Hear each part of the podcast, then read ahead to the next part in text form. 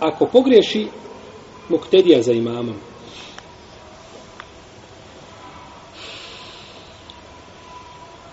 Ako pogriješi muktedija za imam, tada imam snosi odgovornost.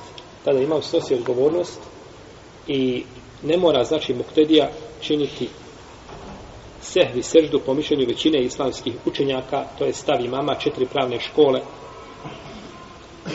I to, to dokazuje hadisom Omar radijallahu anhu u kome se kaže onaj ko je za imamom neće činiti sehvi seđdu.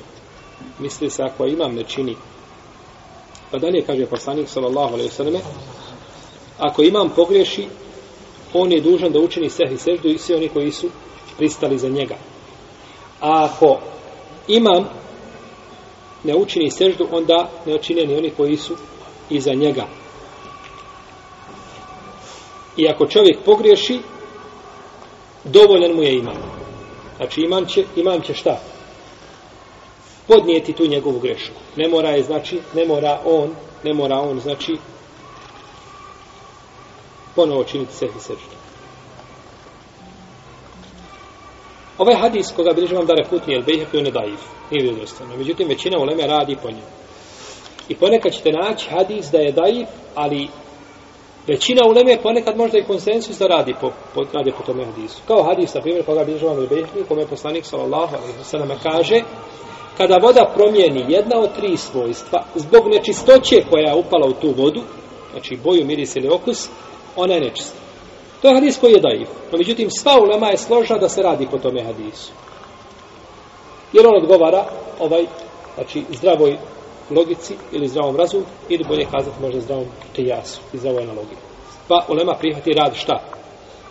Po njem prihvati rad po tome hadisa. Tako su ovdje, znači, pored slabosti ovoga hadisa, prihvatili su šta? Rad, po njemu prihvatila većina islamskih učenjaka. Dok kaže Ibn Sirin i Davud Ibn Hazm, on će učiniti seždu i za imama i ne zanima ga. Ako imam nije učinio seždu, on će pored toga učiniti seždu i za imama. Mezheb većine učenjaka je ovdje prioritetniji nego mišljenje Ibn Sirina i Davuda Ibn Hazma. Ne zbog hadisa, jer je hadis šta? Daif. Nego zbog drugog jednog mišljenja koje je spomenuo šejh Albani u svome dijelu Irvaul Galil, rahimehullahu ta'ala. Kaže šejh, i ovo ukazuje na njegov fik, njegovo razumijevanje hadisa. Kako da ne, bi, kako da ne ukaže kada je čovjek proveo, kada je čovjek proveo a, preko 60 godina sa hadijskom naukom. Kaže, mi znamo i ubijeđeni smo 100% da su ashabi koji su klanjali za poslanikom sallallahu griješili namazu. Kaže, to ne može niko poreći. Zaista, nelogično je kazati da nikad nijedan ashab nije pogriješio i za poslanika sallallahu sallam namazu. Tako, evo Ibn Abbasa. Evo jedan najučenija ashaba pa napravi grešku. Poučini se i I to je, to je, znači, svaki čovjek iz ovoga ili onoga razloga, ne mar ga uhvati i napravi grešku. Nema ruku da sumnja koliko je rekiata klanio, pa da nakon toga učini se i. No međutim, kaže, znamo da su klanjali iza poslanika, sallallahu alaihi wasallam, i da su griješili, no međutim, nikada nije preneseno da je neko od njih učinio iza poslanika, sallallahu alaihi wasallam, sehvi seždu. A kaže dalje šejh da su tako činili, to bi nam bilo prenešano. Nemoguće je znači da to ostane, da se pritaji, da to ne dođe, znači da to ne dođe do nas. Vi znate hadis Muavije ibn al-Hakema Sulemija, kada je u namazu kihnuo